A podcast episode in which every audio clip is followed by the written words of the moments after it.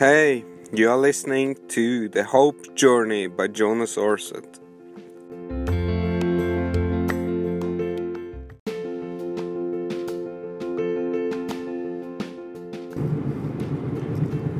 Hey guys, now I'm more or less done with day three of the Hope Journey, and uh, to be honest, I'm uh, I'm not there yet. Um, I started this morning pretty early uh, in a small town called Cameron, and um, yeah, it was kind of neighbor town of the Grand Canyon. So I woke up at six. Actually, you know, I, I thought, you know, I didn't really adjust my time, and I was still in Dallas time, and I realized after I wake up, that, after I woke up, that actually it's still pretty early, man. But anyway, got up, um, had a phone call with Norwegian radio channel, which was re- it's really cool. They followed the journey, and then I started driving up the valley to the Grand Canyon, and uh, it was icy. It was it had been snowing the whole night, and it was actually not very good conditions. But anyway, you know the view was breathtaking, and it was you know it's one off my bucket list for sure. Um, and it was worth it, even though uh, it probably could have been better conditions. Uh, was kind of foggy, a little bit cloudy, so you, you could still see the the view of the canyon, but it wasn't the best I ever seen. Um, but it was anyway a pretty cool experience to just to be there, and, um, and then I went back in the car for some hours. Um, came to a town called Kings Kings Kingman Kingman. Yeah, uh, it's kind of the they say it's the heart of the Route 66. So um, I don't know. It's uh, definitely was a, pretty cool. It was a lot of old kind of buildings. I felt like I was back in the 60s, you know, with all these car um, shops and uh, food stops and restaurants. Uh, everything will look like it was still in the 60s. Uh, I don't know, like I never lived in the 60s, but I I did see the um, the Disney's uh, Disney movie called Cars, and that, that's you know they say that's based on like 60s, I guess. Uh, and it really felt like I was kind of inside that movie, so that was pretty cool. And um, started riding, and I had my my plan was to go to a town called Oatman, uh, which is also on uh, Route 66. Uh, I thought it wasn't that far from Kingman, but when I started riding and it was headwind and I saw this insane long road straight in front of me, I knew it was going to be a pretty long day. But I thought maybe Oatman was in the end and in the beginning of the climb over, over there on the other side, but in reality I had to climb all over the, um, the all over this hill there and down on the other side and um, I got a little bit longer than planned but it was actually pretty cool. When I came to the mountain it was great climb and on the other side the downhill was also pretty cool. And for sure the Oatman man that was that was a really cool and historic place. It, it's actually a old gold mining uh, town and it, it, looks like they're still doing the gold mining there because it's pretty old and old fashioned and really cool uh, with this cowboy saloon and um, yeah that looked like it was back 100 years back so it was pretty cool. Uh, and there I also met a guy he um, I asked him actually if he could take a photo of me in the town and uh, he did, and uh, we started to talk, and he was a really nice guy. Um, Ed, he was actually from Montana, but he was down here in Arizona for um, a winter holiday. Uh, he said it's at least it's warmer down there in Arizona.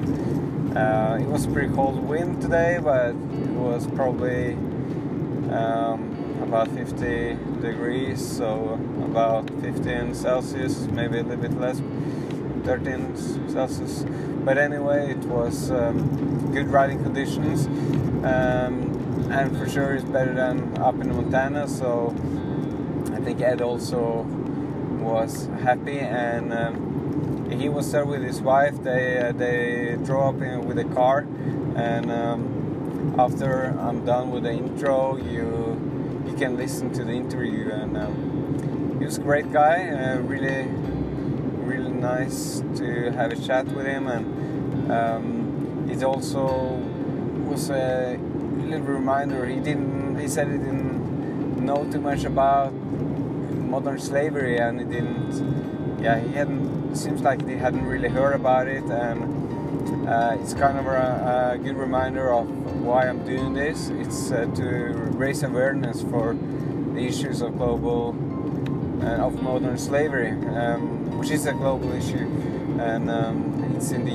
U.S. It's uh, problems. There are problems in the U.S. in in Norway, and of course in is a big issue down in Vietnam where I visited last fall, but it's um, it's all over the world. So it's something we need to be aware of and um, take a stand on and see what we can uh, do about it. And uh, supporting Hope for Justice that's a great way to get started. That's an organization that that really makes a difference. So I recommend to check them out and. Um, if you feel like you want to support them, that's that's amazing because uh, I see in it myself. It's they they are making a big difference and they need financial support. So uh, I hope you can um, consider giving a donation.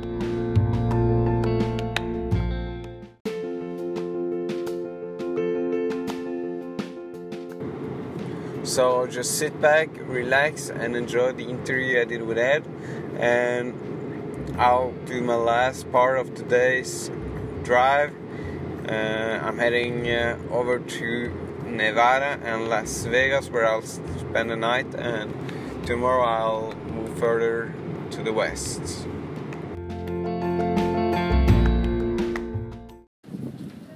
So I'll just uh, record a little bit. Okay. so your name was Ed? Ed. Yeah, Yeah. We'll just keep it like this so both Okay, can. that's fine. Yeah. Yeah. Ed So- Zug. Ed Zog, and you're partly Norwegian. Half Norwegian, quarter German, quarter Swede. Yeah, so you're not from Oatland. No. Now Oatman that's the name of the Yeah, place. Oatman. Yeah. Yeah. But you're visiting. Here visiting. Yeah, we. My mother and that they spend the winters down by Quartzsite, Alright. which is what, 80 some miles from here. 125. 125 miles south. Yeah. But it's a great place to visit this one. Small. Yeah. Well, it's a good place to be in the winter. Definitely. It uh, up home. I live up in Montana. Yeah. and it was uh, you know 35 below just a couple weeks ago up there. Yeah. So, That's that's cool. 35 uh, below.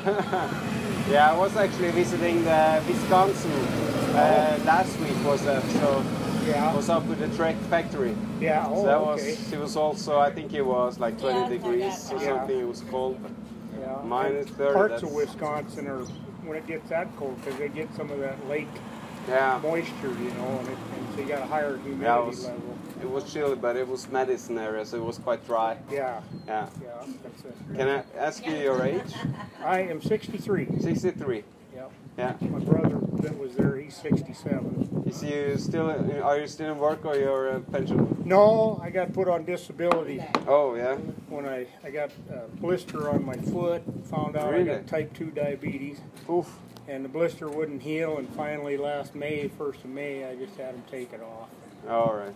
Figured I'm still young enough and strong enough that me a little easier getting used to it. Yeah. So you cannot be on my bike, but you still Yeah. managed to get uh, around. Well, I think I can still ride a bike, but Motorbike. Motorbike, I, yeah, sure. I have a, I have a Harley at home, Oh, yeah, Harley. Yeah. but since I got my new leg, my my I haven't, I haven't ridden it yet, but I plan on it this next summer. Yeah. No, it's great. This, this place must be perfect with a motorbike as well. Then Oh yeah. it's good with a bike, but then you have to pedal. You know. well, Well. I used to ride a bike around. I used to work in a refinery. yeah. I was a safety manager in the refinery, and I rode a bike around the plant all the time. Oh, that's great. So I put quite a few miles on, on a bicycle. Yeah. But I just had the, you know, the single speed's all we used there, so it was quite. Yeah, yeah, yeah. Uh, you know, I'm um, an ambassador of a project called Hope for Justice. They work to fight modern slavery. You must be. Oh, really? Yeah, so I just want to ask you if you know anything about modern slavery. Have you heard about it? No, No. no. No, this is quite a big global issue, but I just wanted to, you know, to ask people if they even heard about it, Yeah. because Okay, that's the first step. People need to be aware of the problem, and then maybe we can do something. Yeah.